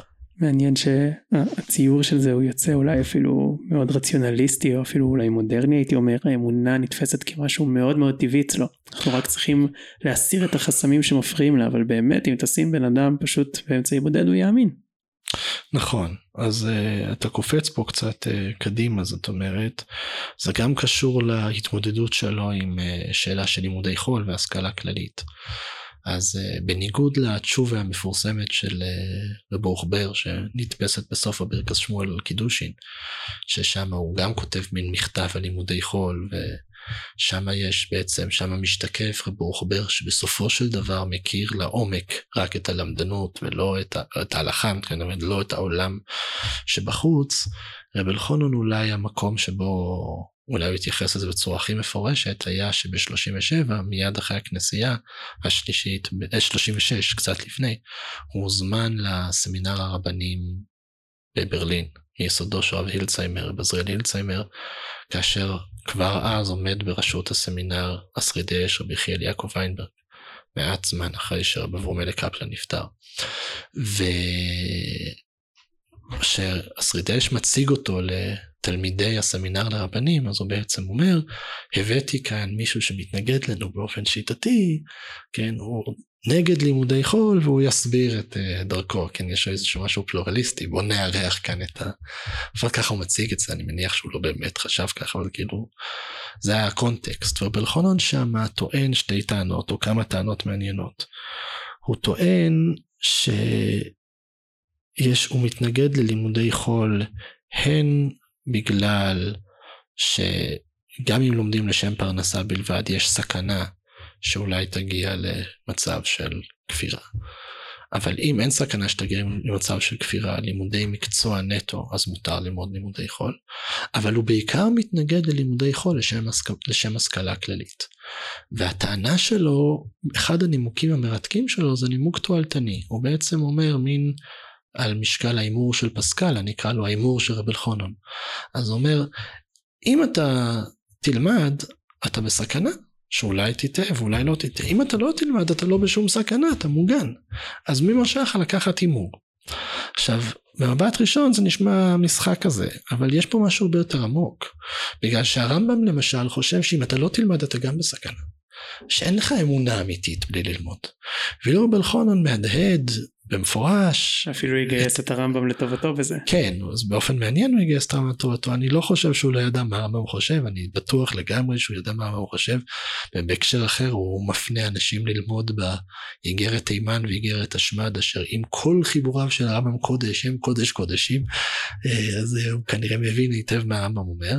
אבל הוא טוען את הטענה הבאה, הוא אומר, במשך מאות דורות אנשים לומדים את הפסוק נעשה אדם בצלמנו כדמותנו. ואף אחד לא שואל את עצמו את השאלות, אף אחד לא מסתבך, כל אחד קורא רש"י שקדוש ברוך הוא נמלך המלאכים, נמדך תורה דרך הארץ, להימלך בכתב ממך וסבבה. כולם מקבלים את זה. מי לא מקבל את זה? אלה הפויקרים. עכשיו יש כאן תיאור עובדתי שאני חושב שהוא מוטל בספק, מי אמר לו שמאות שנים אנשים לא מוטרדים מזה? כן? אבל הוא חושב ככה לחלוטין, זאת אומרת הוא חושב, ובהקשר הזה הוא ממשיך את החולץ חיים, שהאמונה זה דבר מובן מאליו, או כמו. כמו שהוצאת לשם החולץ חיים, בלי אמונה אין הסברים, עם אמונה אין קושיות. אז זה לא אמונה פשוטה במובן של של אה, היא לא צריכה נימוק, אלא היא אמונה פשוטה במובן שהנימוק שלה מאוד ברור ומובן מאליו, מאוד סלף אבידנטי, וזהו, ואין צורך במשהו מעבר לזה. ואז ההיתר היחיד שיהיה לחוכמס זה להפוך אותם לקרדום לחפור בהם. לקרדום לחפור בו, כן. עכשיו, אני... אני שב ואומר, זאת אומרת, אני סקרן, כן, לדעת מה רב אלחונון היה עונה למי שהיה מציב בפניו את העמדה האחרת, העמדה שאנחנו מייחסים אותה לרמב"ם, כן, ולעוד ראשונים, כן, איך, איך הוא היה מגיב, אני לא יודע. כן, אבל באמת נשמע שלתורה עם דרך ארץ הוא כן התנגד. נכון, אבל בעיקר הוא התנגד להיבט הזה, הוא התנגד להשכלה כי היא מסוכנת, הוא לא מתנגד ללימודי מקצוע לשם מקצוע. כמובן שעדיף שאנשים ילמדו תורה כי זה יותר חשוב. גם בהקשר הזה הוא מפעיל את אותו הימור, אם לא תלמד תורה אתה בסכנה, אם תלמד תורה אתה פחות בסכנה. מעניין מאוד באמת כל מחשבתו התיאולוגית. אה, מפה אולי נקפוץ כי רבי אלחונן כתב וגילה הרבה אה, את עמדותיו על שאלות השעה באותה תקופה. הוא ממש כותב, יש לי פה ציטוט על תקופת האיזמים. מכיוון שהתחילה רוח הליברליזמוס נושבת, מיד הזדרזו היהודים להתייצב בשורות הראשונות, הראשונות של מגניה. לאחר שהליברליזם ירד מעל הפרק, פנו לדמוקרטיזם, לסוציאליזם, לקומוניזם ויתר האיזמים שירדו על דורנו בשפע כה רב. כמובן שהשפע כה רב אה, מבחינתו זה אולי קצת באופן אה, סרקסטי. נכון. הייתי שמח שתנסה לספר אה, נגד מה, מה היו בעצם רוחות השעה ו, ומה הפריע לרב אלחונון בהם. נכון. אז במקום אחר רב אלחונון מתייחס באמת, אני חושב ששני האיזמים העיקריים שהוא מוטרד מהם, אגב הציטוט הזה חביב מאוד על סופרים ופובליציסטים חרדים שאוהבים לעשות שימוש באיזמים וב... אבל uh, הוא מתייחס באמת לעליית שני התנועות של הסוציאליזם שהפך לקומוניזם, זה גם טראומה אישית של החופץ חיים ושלו מהמפגש עם האי סקציה, כן, המחלקה היהודית בשירות המודיעין של ה-NKVD, אמ, ו... והמפגש שלו באמת עם הלאומיות. והוא מאשים באיזשהו מובן, אני לפחות, מצלצל לי קצת בתוך בלחונון איזשהו, הרבה, איזשהו צליל הגליאני, זאת אומרת, הוא שמתכתב עם ההגליאניות הגדולה הזאת. אז אם ההגליאניות יצרה איזשהו סיפור, או החזירה מחדש באיזשהו מובן את התשוקה ללאומיות, תשוקה למימוש עצמי של העם, אז רבי אלחונון משמיע קול שאני חושב שאנחנו לא יכולים, לא רק לא יכולים לא לתת עליו את הדעת, אלא לא יכולים גם לא להכיר בכך שהוא ודאי תופס משהו אמיתי מאוד. אומר, היהדות היא התורה. אין יהדות בלי תורה. אין מימוש עצמי של העם היהודי בלי תורה. הוא מאשים את סמולנסקין במפורש, כאילו בתור הבן אדם שמנסה לייצר לאומיות ריקה מתורה. כשהוא מדבר על הנאצים הוא אומר שהעונש של הנאצים זה מין שילוב כזה קומבינציה של הלאומיות והסוציאליזם ביחד כן, כמין עונש לנו. כן? מצד שני הוא מדבר גם בהקשר אחר על העובדה שכאילו שהרוסים מנסים, להשק... הקומוניסטים הרוסים מנסים להשכיח את התורה ואילו הנאצים מנסים להזכיר את התורה, אז הוא אומר שמה מתקיים בחימה שפוכה הם לא חל לכם כי הם כבר שכחו. ואילו פה שמנסים לשכוח מתקיים הבא להתעמא פותחים לו. אז יש לו כאילו מין תפיסה כזאת. אז שוב זו תפיסה זאת אומרת אני חושב ש... שאני קורא לזה גליאני אני קורא לזה כי יש לו מודעות מודעות היסטורית מודעות למה שקורה והוא מנסה לפרש אותה. במובן הזה הוא שחקן הוא שחקן בדיוק כמו שחקנים אחרים. הוא גם כן אוהב לציין שאין הבדל בין ה... לאומיים או התנועה הציונית לבין הבונדיסטים או הקומוניסטים היהודים. זאת אומרת שניהם עושים את אותו דבר. שניהם מכלנים את היהדות שניהם מרוקנים אותה מדתיותה ואפילו באיזשהו מקום הוא מגיע לביטוי המאוד חריף שהחופשיים אינם יהודים זאת אומרת, אני לא חושב שהוא שלל את יהדותם. יהדות אינה חופשית והחופשים אינם יהודים. הוא לא שלל את המעמד ההלכתי שלהם, אבל הוא שלל את העובדה שאין דבר כזה יהדות ולא זה. זה באמת מעניין שאולי אם אנחנו מחפשים את נקודת המינימום של היהודי, אז הוא לא יודע, אולי בעל התניא או חב"דניק יראו את זה פשוט כך, בנפש של היהודי, ואצל רבי אלחונון נקודת המינימום ונקודת המקסימום אולי שוות אפילו. נכון, אבל ב, אני חושב שאם אני לא טועה, הוא הוביל באמת את uh, הכנסייה הגדולה השלישית להגיע להחלטה, או אגב הוא די, הוא היה הדמות אולי לפחות הליטאית הדומיננטית ביותר בכנסייה היא, um, ש, שהם יכירו במדינה יהודית אך ורק אם החוקה הבסיסית שלה תהיה התורה. שזה דבר מעניין, זאת אומרת הוא מוכן, כן, הוא מוכן לקבל, אבל הוא תובע, הוא לא, אומרת מה שמטריד אותו זה לא סיפור עכשיו של uh, התגרות באומות או כל מיני דברים מהסוג הזה, מה שמטריד אותו זה שהם יכירו בכך שהבסיס הוא תורה. בסדר, צריך לעשות עוד עבודה, אין בעיה, אבל זה חייב להיות הבסיס. אז מעניין שציינת שהוא לא מבדיל באמת לא בין הבונדיסטים ולא בין החופשיים ולא בין הלאומיים אה, אולי זה אחת הסיבות שהוא גם אה, יוצא בשצף קצף אה, וקורא לזה עבודה זרה בשיתוף בעצם למזרחי לציונות הדתית.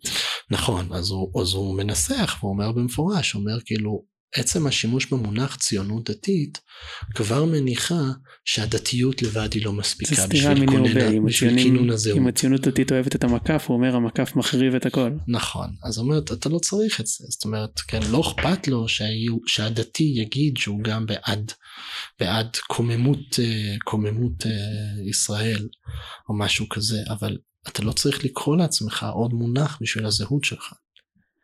ממש מעניין אותי שהוא מדבר על הציונות כמעשה שטן. זה ממש נשמע שיש פה עוד איזה כוחות שפועלים בעולם והציונות אה, מנתבת אותם באמת לירידת קרנה של התורה. אמ, אחד הדברים שרציתי לשאול אותך, הוא מדבר הרבה על זה שדווקא התקופה הזאת שהרב קוק היה קורא לה התחלתא דגאולה, הוא קורא לה התחלתא דגלות. אבל גם אצלו זה התחלתא דגלות לפני בעצם איזושהי גאולה גדולה יותר, בעצם הכל כל כך רע והכל כל כך לא שלם והירידת קרנה של התורה יורדת, שזה אולי דווקא העת שהגאולה תבוא. אמ, אני ראיתי את זה אולי פשוט כתמונת תשליל של הרב קוק, הוא עושה קריאות היסטוריוסופיות ופשוט מגיע לתוצאות הפוכות. כן, אז אני, אני חושב שהוא היה נזהר יותר, זאת אומרת, הוא לא היה, כן, ברור שיש לו, כמו לנו, כמו לכל יהודי, את האמונה בעתיד, כן, של הגאולה, אבל אני חושב שהוא היה נזהר מלנסח את עצמו כמין, יש שלב אחד ואז אנחנו מגיעים, כי הוא, הוא פשוט, כשהוא מדבר על התחלת הדגלות, הוא מדבר באמת על המונח הזה של העובדה שהגלות העכשווית היא צורה חדשה, היא גלות בין יהודים מה שנקרא, זאת אומרת היא הגלות של שהות בתוך מרחב יהודי שהוא מחולן. מרחב יהודי שלא מכיר בתורה כערך בסיסי, מרחב יהודי שהפנים ואימץ את נקודת המבט ה... שלא מגדירה את עצמה בכפוף לתורה. ומבחינתו זה פשוט אה, לא, לא, לא אפשרי. אה, באופן מעניין, זאת אומרת, זה גם בא לידי ביטוי בפולמוס המפורסם על עבודה עברית, שמתקיים כאן ב, ביישוב היהודי, בפלסטינה דאז, ישראל של ימינו, בשנות השלושים. אז הוא כותב מכתבים נזעמים מאוד לפועלי אגודת ישראל, שהם בעצם שיתפו פעולה עם, ה, עם המשמרות שימנעו בכוח עבודה ערבית ויחייבו עבודה עברית. והוא טוען שהוא טוען כמה טענות, יש שם טענה מרתקת, הוא טוען טענה אחת שאין היתר לאף אחד להפעיל אלימות מלבד לשלטון. מי הרשה לכם להפעיל אלימות? זו טענה מרתקת. כן, מי הרשה לכם להפעיל אלימות? אין לכם סמכות על האלימות, כאילו. גם בית הדין הוא מציין, יש לו סמכות להפעיל אלימות, רק כשמדובר על uh, עניינים של כפייה דתית, של כופים לקיים את המצוות, ולא מעבר לזה. שתיים, הוא טוען, התפיסה שלכם היא שגויה, מה, מה היתר שלכם לחייב בן אדם להעסיק להעסיק יהודי ולא ערבי כאשר יש לו הפסד מרובה והוא מרוויח הרבה יותר כסף מפועל ערבי שעולה לו הרבה פחות. והוא תובע מהם התבדלות, לשים חיץ ביניהם לבין, ה, לבין הזה, זה מה שבסופו של דבר זאת אומרת מטריד אותו, תובע התבדלות, בהקשר הזה גם החזון איש ימשיך אותו. והוא, ו, וכששואלים אותו אבל בפולין עצמה אין התבדלות אז הוא אומר טוב פה השלטון לא נתן לנו את זה. עכשיו כך ברור לי כי לא ראיתי שהוא או מישהו אחר עבדו קשה לשכנע את השלטונות הפולנים לאפשר התבדלות אה, קהילתיות. אולי הם ניסו אני לא יודע אבל לא ידוע לנו לפחות זה לא מצוין באופן בולט שהם עבדו על זה. אבל uh, הוא קורא להתבדלות. אבל הוא גם מבין באיזושהי אינטואיציה שהסיפור פה הוא אחר. ושההתמודדות מול הציונות דורשת הקמת מוסדות. במובן הזה הוא רואה באגודת ישראל משהו חשוב, זאת אומרת, הוא, הוא קצת uh, ציני, יש כל מיני סיפורים עליו בכנסיות הגדולות, שכאילו אומרים רק חברי מועצת גדולי התורה, רק הרבנים, אז הוא יוצא, כי הוא אמנם חבר, אבל הוא לא רב, כל מיני דברים כאלה. אבל הוא, הוא, הוא בעצם מנסה לשקף, חבר'ה, זה לא פה מינויים, זה לא שטלס, זו שאלה האם אתה תמיד חכם, לא, מי שמביע דעתו. דעת התורה מנצחת, לא אני, אני רק הקריין שלה. ובהקשר הזה יש באמת הבנה שצריך להקים מוסדות תורה וישיבות, וזו התשובה האמיתית לתנועה הציונית. שאומר שהוא מדבר על אה, בעצם שהדבר שהכי אפשר לעשות היום לטובת התורה זה לתרום לישוב, לישיבות. הוא אומר באמת לעולם אף פעם ציוני לא תרם לעולם הישיבות, ואם הוא תרם כנראה הוא כפר בציוניותו. נכון, באותו הרגע אני חושב, אם אני זוכר נכון את הציטוט, כאילו באותו רגע הוא כפר בציונותו. אז נכון, אז הוא גם מציין עוד משהו קצת מיסטי, באמת, אה, תודה שהזכרת לי, שאומר כאילו העובדה שכולם כל כך מתלהבים, יש כל כך הרבה מוטיבציה לעשות את, ה, את המצווה הזאת של יישוב ארץ ישראל, מראה שזה מגיע מהשטן, כי אם זה היה, אם זה היה אותנטי, אז היה שם מכשולות או התנגדויות, נכון. כן. גם אז... לאמירה הזאת יש נראה לי השלכות תיאולוגיות מעניינות. בהחלט. אבל uh, מפאת קוצר הזמן אולי נעבור uh, מחשבה שאני תמיד רואה בכתבי רבי אלחנן, גם uh, הלמדנים וגם העיוניים, זה איזושהי דיכוטומיות מאוד מאוד קשה. Uh, כפי שאמרת, הוא לא מבדיל לא בין ציונים, לא בין בונדיסטים, יש כן ולא, יש שחור ולבן. הוא כן מבדיל, הוא מכיר את ההבדלים לא, לא, ביניהם. הוא, הוא כן, יודע, הוא... אבל הכל אצלו מתמצב ב... יש את הטובים ויש את הרעים, יש את התורה ויש את כל השאר. ממה אתה חושב שזה נובע? אמ, אני לא בטוח, זאת אומרת, השאלה, לא בטוח עד הסוף איך לפרש את השאלה שלך. על פניו זו העמדה שאומרת דבר הוא הוא או טוב או לא טוב כאילו למה שיהיה פה ביניים זאת אומרת הציפייה שיהיה כאן איזשהו ביניים היא מבחינתו ציפייה שגויה. כן הפלורליזם המסוים שאנחנו אני ואתה מתקיימים בו יש בה לפחות בבסיס אלמנט מסוים של סובלנות אנחנו סובלניים כי אנחנו מכירים מכירים בעובדה שהדעות האחרות הן לגיטימיות אבל הוא לא מכיר בלגיטימיות, מבחינתו יש לו כלים מאוד ברורים להכרעה, והוא בונה אותם. הספר הראשון שלו, דברי סופרים, בעצם מנסה לגשת לשאלה הזאת. אז בעצם יש כלים מאוד ברורים לדירוג, ברגע שיש לי כלים ברורים לדירוג, אז מאוד ברור. במקום ששואלים אותו על הקיצוניות הזאת שלו, על הדיכוטומיות הזאת, אז הוא אומר שהקדוש ברוך הוא, הוא קנאי ביחס לעבודה זרה. וכך גם אני צריך להיות, מה אתה? קנאי ביחס לעבודה זרה. זאת אומרת, ברגע שאתה נכנס לשאלות התיאולוגיות האלה, אתה נכנס לתחום של עבודה זרה מבחינתו, ושם אין טולרנס, או אפילו משתמש במילה, אין טולרנס. מעניין מאוד. אנחנו לקראת הסוף ורבי אלחנן באמת רבי אלחנן חי בתקופת השואה ואף מת במות קדושים. הייתי שמח אם תוכל להרחיב עליו גם אולי קצת הוא כבר חווה את השואה וכותב עליה ואומר עליה וגם באמת על, על סוף חייו. נכון אז אני קצת חוזר לסקירה לפחות מהירה של השנים המאוחרות. אז באמת כמו שציינתי הוא לאט לאט נכנס ונהיה מעורב יותר ויותר בהנהגת הציבור החפץ חיים דחף אותו לשם, או שלח אותו, הזמין אותו לכל מיני אספות, הוא נשלח לכנסיות הגדולות כציר של החפץ חיים, כ... כציר של עצמו, אמ, והוא גם אה, באותה תקופה בעצם אולי לצד גיסו רב חיים מויזר, הם, הם עובדים ביחד, אבל הוא, הוא פעיל מאוד בוועד הישיבות, שוב פעם ארגון שמגייס כספים לישיבות. הוא בעצמו עסוק הרבה מאוד בגיוס כספים לישיבות. אה, הוא נוסע לבריטניה, ויש לו את המסע הגדול שלו שנמשך כמעט שנתיים, או שנה פלוס, לארצות הברית.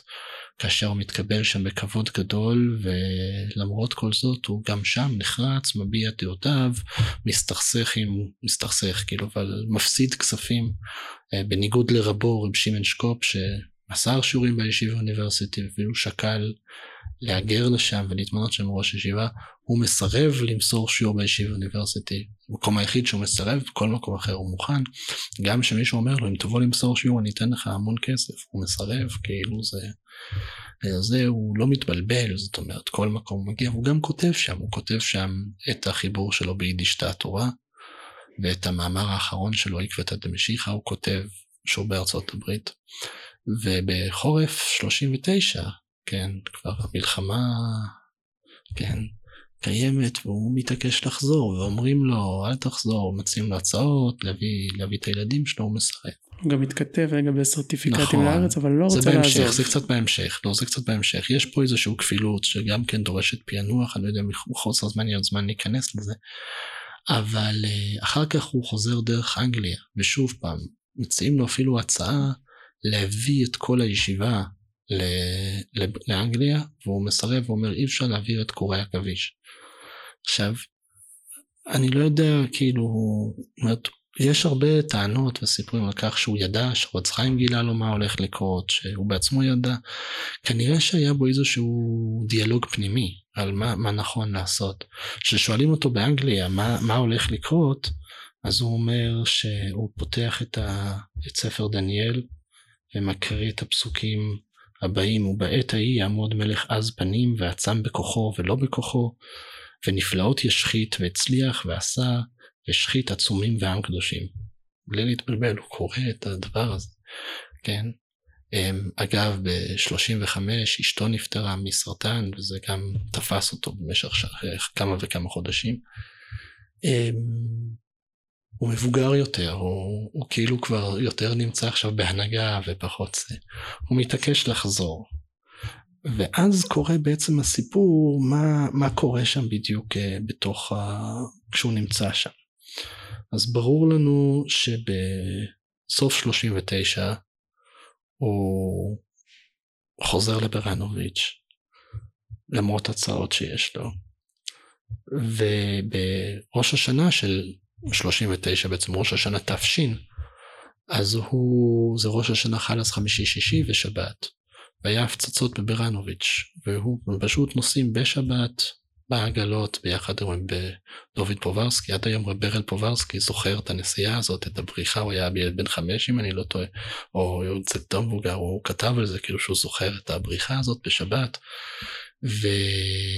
והם נוסעים מגיעים למיר נשארים שם כמה ימים, חוזרים לברנוביץ', בעצם חוזרים לשלטון הקומוניסטים, כי הקומוניסטים כבשו את ברנוביץ'. ואז נודע על התוכנית הזאת של ליטא תהיה אוטונומיה בהסכם ריבנטרופונטוב, והוא ביחד עם גיסו מהנדס את המבצע הגדול הזה שכל הישיבות יבואו לווילנה ואז יתפזרו. אז הוא מעביר את הישיבה שלו לווילנה, הוא עצמו גר אצל גיסו רב חיים מויזר עם הילדים שלו, והצעירים, שני הצעירים, ו, והוא, והוא בהמשך הישיבה הולכת לעיירה בשם טרוקי, איפה שרב העיר, העיירה הוא רב צביה פרצוביץ', אבא של תלמידו רב נוחם פרצוביץ', אה, לימים ראש ישיבת מיר, והוא מגיע, הוא מגיע בעצם אחר כך ממשיכים לעוד איזה עיירה בליטא, ובשלב מסוים הוא כנראה מקבל ידיעה שהרוסים הולכים לעצור אותו, והוא נמלט.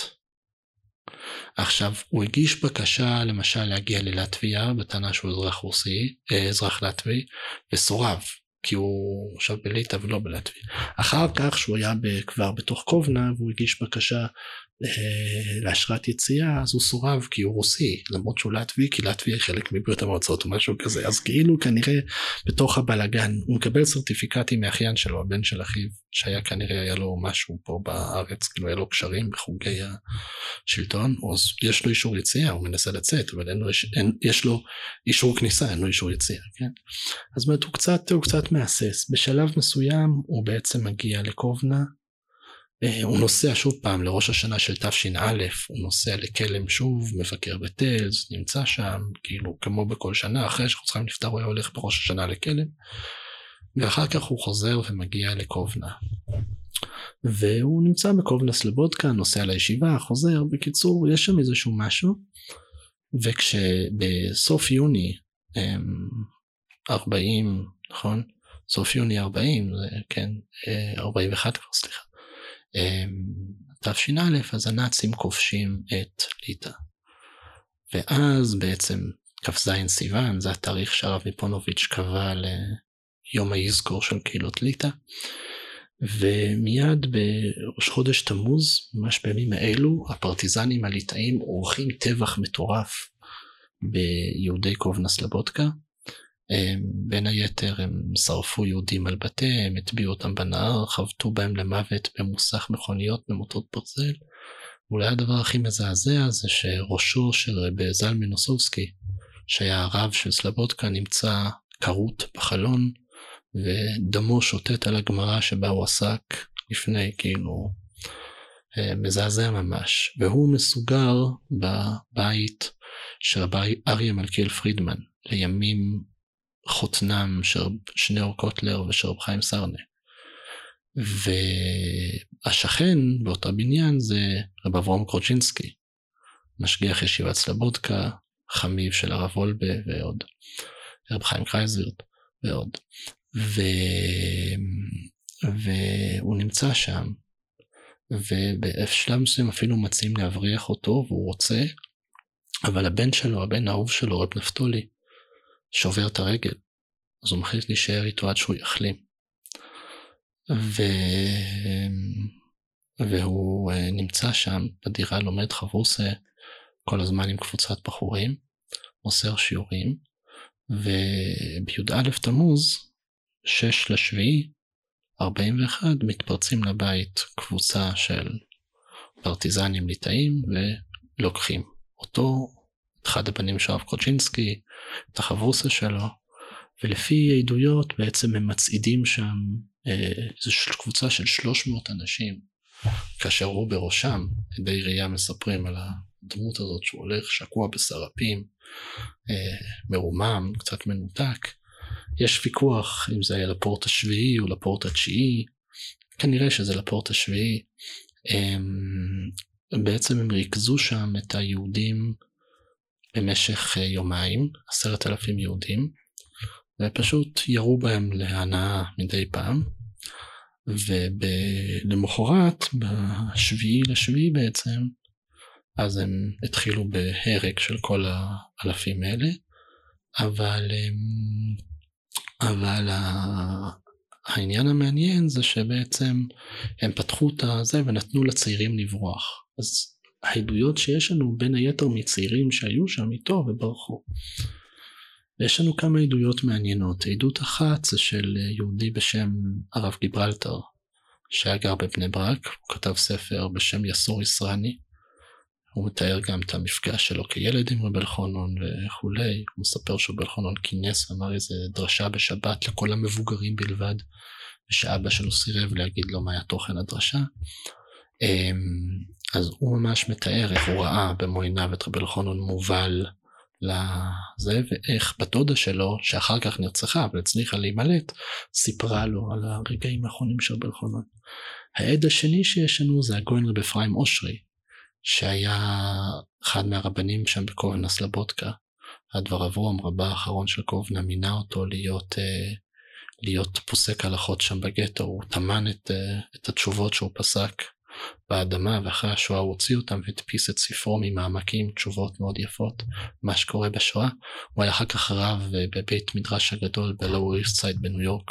הוא נפטר ב-2004 תלמיד חכם חשוב אפרים אושרי בכל מקרה אז רב חיים אושרי גם היה שם. ויש את העדות המפורסמת שלו שהוא מעיד על, אמ, על, ה, על הגישה של רבי אלחונון זאת אומרת כן רבי אלחונון דיבר בשקט תוך מנוחה נפשית כתמיד קולו לא השתנה במאומה הסיפור שאחת אה, רבנית צרנה הייתה מספרת שהוא ביקש ממנה ללכת להביא לו את השעון ואת המעיל שהיו נמצאים בחדר שהבן שלו רב נפתולי שכב ב, ב, למעלה והיא רצה להביא לו את המעיל ואת השעון וכשהיא חזרה כבר, אה, כבר הוא לא היה שם. אה, הרשת פניו הביע רצינות רגילה. בדיבורו לא הרגישו כל נימה פרטית, לא ניסה אף להיפרד מבנו, שיחתו איתו מכוונת לכולם, ואומר דברים כדלהלן, במרומים מכשירים אותנו לצדיקים, כי נבחרנו לכפר בגופותינו על עם ישראל. אי לזאת, אנו צריכים לשוב בשם בתשובה שלמה ומיד במקום. הזמן קצר. עלינו לדעת כי קורבנותינו, הקורבן שאנחנו מכירים את עצמנו, יעלו יותר לרצון על ידי התשובה, ופה מגיע משפט מעניין, ועל ידי כך נציל את חייהם של אחינו ואחיותינו באמריקה, לא בארץ. שלא תעלה ברעיוננו איזושהי מחשבת פסול חס ושלום, שהיא כפיגול ופוסלת את הקורבן. אנו מקיימים את המצווה הכי גדולה באש עצתה או באש אתה עתיד לבנותה, האש היוקדת את תקופותינו, היא האש שתחזור ותקים מחדש את עם ישראל. וואו, מדהים שגם ברגע הזה הוא חושב על אה, קודשים, מחשבת פיגול. כן, הוא חושב על קודשים, וזה ממש מפורסם, שהוא דיבר כל הזמן על קודשים ועל לא לפגל במחשובה. ולפי עדויות שהם בתוך הפורט השביעי כנראה, הוא, שכ... הוא כבר נחלש מאוד, הוא שכב על הרצפה והמשיך לדבר ברוגע, בשקט, קודשים ומחשבי ספיגול ותשובה עד, ש... עד שהוא נרצח. אה, הבן שלו, רב שמחה וסרמן, שבעצם אה, לא היה בשואה, אז הוא באמת נהג לשמור שלושה ימים מיורצייט, י"א, י"ב, י"ג תמוז. בשל הספק. וואו, זה באמת אנחנו נחליט באיזה תאריך, באיזה תאריך לדעתך צריך להוציא את הפרק. אולי אה, בין השמושס שבין י"ב לי"ג, זה כנראה הזמן. הבנתי. אז באמת אה, קצת סקרנו את חייו של רבי אלחונון ובאמת קצת את מחשבתו ואת אה, סוף חייו. ודיברת בהתחלה על זה שגם ככה הוא נגע בך שהוא אחד מגדולי הציבור החרדי ואולי אה, המנסח והמטרים של מחשבות ראשוניות. ולפחות על פני השטח היחס החרדי למדינה כיום נראה עדיין הרבה יותר ממה שמוצג אצלו. הייתי רוצה לשמוע איך או אם בכלל בא לידי ביטוי החשיבתו של, של רבי אלחונון בציבור החרדי. כן, אז אני לא יודע אם יש לנו את הזמן כרגע, את המקום, או, את ה... או שזה המסגרת בכלל לדבר על, ה... על התהליכים והתמורות בתוך התפיסות החרדיות. אבל אני חושב שיש משהו מאוד מעניין בהרבה חומר, כי בסופו של דבר, מעבר להרבה דברים אחרים שאפשר לציין, הוא הציג עמדה מנומקת. עמדה מנומקת, בעלת תוקף, בעלת הבנה, יש לה התחלה, אמצע, סוף. ו... אני חושב שאנחנו רואים תהליך שבו בציבוריות החרדית, לפחות בעיתונים, לא מדבר עכשיו על תלמידי חכמים, אין הבנה של תפיסתו, יש ציטוטים שלו.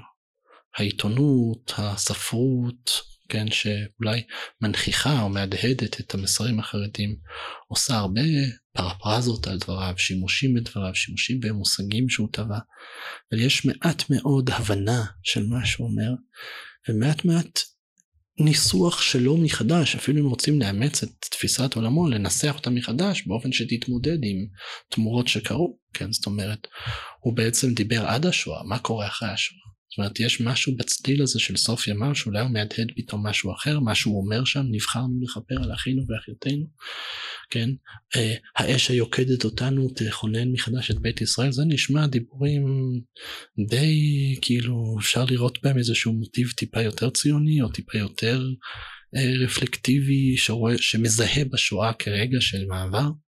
אין לנו, אנחנו לא יודעים, הוא נחתך. וצר לי על זה, זאת אומרת, צר לי על העובדה שבעיניי רב אלחונון הוא תמיד, הוא תמיד דמות שכיף להתכתב איתה, זאת אומרת, הוא מציב עמדה, העמדה שלו מנומקת, היא מחייבת אותי, כן, אם אני רוצה להציע עמדת נגד, אני צריך לנסח אותה ולתקף אותה, ואם אני רוצה למצוא בה נוחם, אז שוב אני יכול לקבל אותה. ואילו צר לי שאני חושב שאנשים מצטטים אותו, אבל לא, לא מבינים את התשתית שלו ואת תפיסת הרוחב שלו. באמת אולי במידה מסוימת זה משעשע באופן אירוני דווקא מה שנקרא הפלג הירושלמי או מפלגת עץ, דווקא הם כן עושים יותר עבודה של לחזור ולנסח, כן? אפשר לדבר עד כמה הם מצליחים, אבל הם לפחות מנסים לנסח לעצמם. לא רק הם, אבל שם אולי יש קצת יותר בולטות של זה, ודאי בתקופה של הפיצול. מצד שני, התורה הלמדנית של בלחונון מאוד נוכחת, יש איזושהי הפרדה.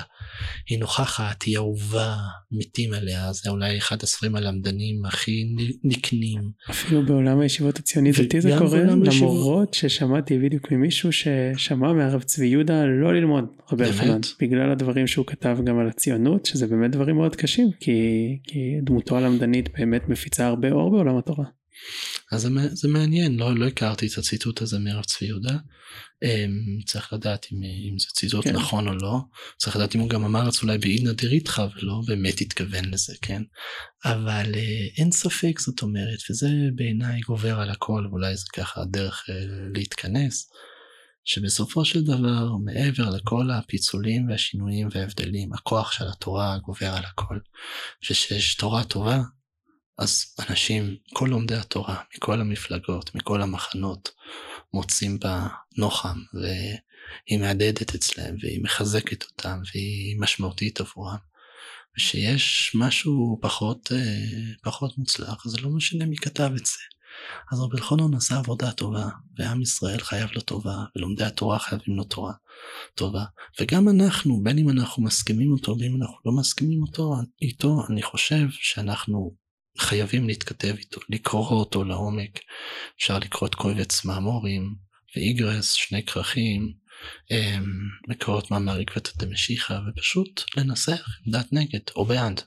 כן, מאוד ממליץ גם למי שההסכת הזה לא הספיק לו להתעמק קצת יותר בחייו, יש שני כרכים מאוד חביבים שנקראים אור אלחונן, שנכתבו על חייו. בידי רב אהרון סורסקי, כן. אני מאוד נהניתי מהקריאה בהם לקראת ההסכת הזה. הייתי שמח שלסיום אולי אה, תקריא ונלמד איזה קטע שאתה אוהב מכתביו של הרב אלחנן וסרמן. כן, אז אה, אני לא אקריא, אבל אני כן אשמיע אה, ככה משהו אולי באמת לסיום בהקשר הזה. אז um, בקובץ הערות, שזה הספר שקובץ שיעורים נערך אחרי השואה על ידי בנו, חלק א' על ידי בנו, חלק ב', אגב באופן מעניין, זאת אומרת החלקים החדשים בחלק ב' חוץ מדברי סופרים מהיעדר בשלימה פישר זיכרונו לברכה, הוא ערך אותם לדפוס. Um, אבל קובץ האורס הוא בעצמו הדפיס ואת המהדורה השנייה הבן שלו, את נפתולי הדפיס, וזה גם ספר מעניין, לא ציינו את זה כי יש שם שילוב מעניין, זה מודל חדש של ספר, הוא מביא קטעים משו"ת הרשב"ו. שקשורים למסכת יבמות, שזה מעניין, גם מעניין הבחירה בדמות הזאת הרשב"א. רציתי לשאול אותך על זה. אני חושב, אין לנו זמן להיכנס לזה, אני חושב שרבים מהוגי ה... הוגי החרדיות מתכתבים באופן עמוק עם דמותו של הרשב"א, שנתפס אצלם אולי כהמקור הראשון לחרדיות, למין הנהגה בטוחה בעצמה, מובילה, כן, שחושבת על המרחב הגדול במונחים פרגמטיים ולא רק במונחים תיאולוגיים מטאפיזיים. אה, אני לא יודע אם זה הסיבה, אבל זה בהחלט מצטלצל, אבל יש שם עוד משהו נורא מעניין, שבפתח הקובץ הערות עצמו הוא מביא מין דף כזה מחקרי, הוא קורא לזה ידיעות נכבדות, ואז הוא מתחיל לכתוב, טויסס ריאה זוקן זה, אותו רי בעלתיס וזה, והוא עושה כל מיני דברים שהם אולי לא מאוד חדשים למישהו בעולם המחקר, אבל יש פה איזושהי אינטואיציה מחקרית חמודה מאוד יפה.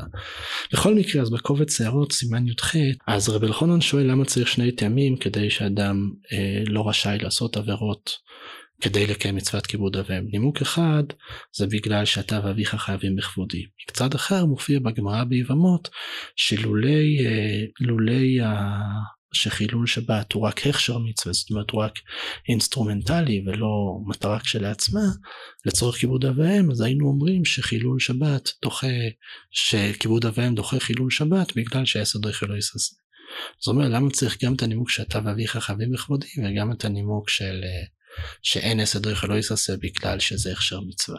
הוא מוציא תירוץ מעניין, הוא אומר שצריך את שני הנימוקים, בגלל שאם חילול שבת לא היה רק הכשר מצווה, אז, אמ, אז כיבוד, אז, אה, אז, אז צריך את הכלל של אתה ואביך חייבים בכבודי. אז זה מובן. אבל מה שמעניין זה הצד השני. אם היה לנו רק את הכלל של אין עשה דוחה לא תעשה, אז היינו עדיין אומרים שבמקרה שאחד כיבד את אביו בשבת וחילל שבת על ידי זה, אז הוא סוף כל סוף קיים מצוות, מצוות כיבוד הורים. אמנם יש לו עבירה של חילול שבת, אבל יש לו מצוות כיבוד הורים.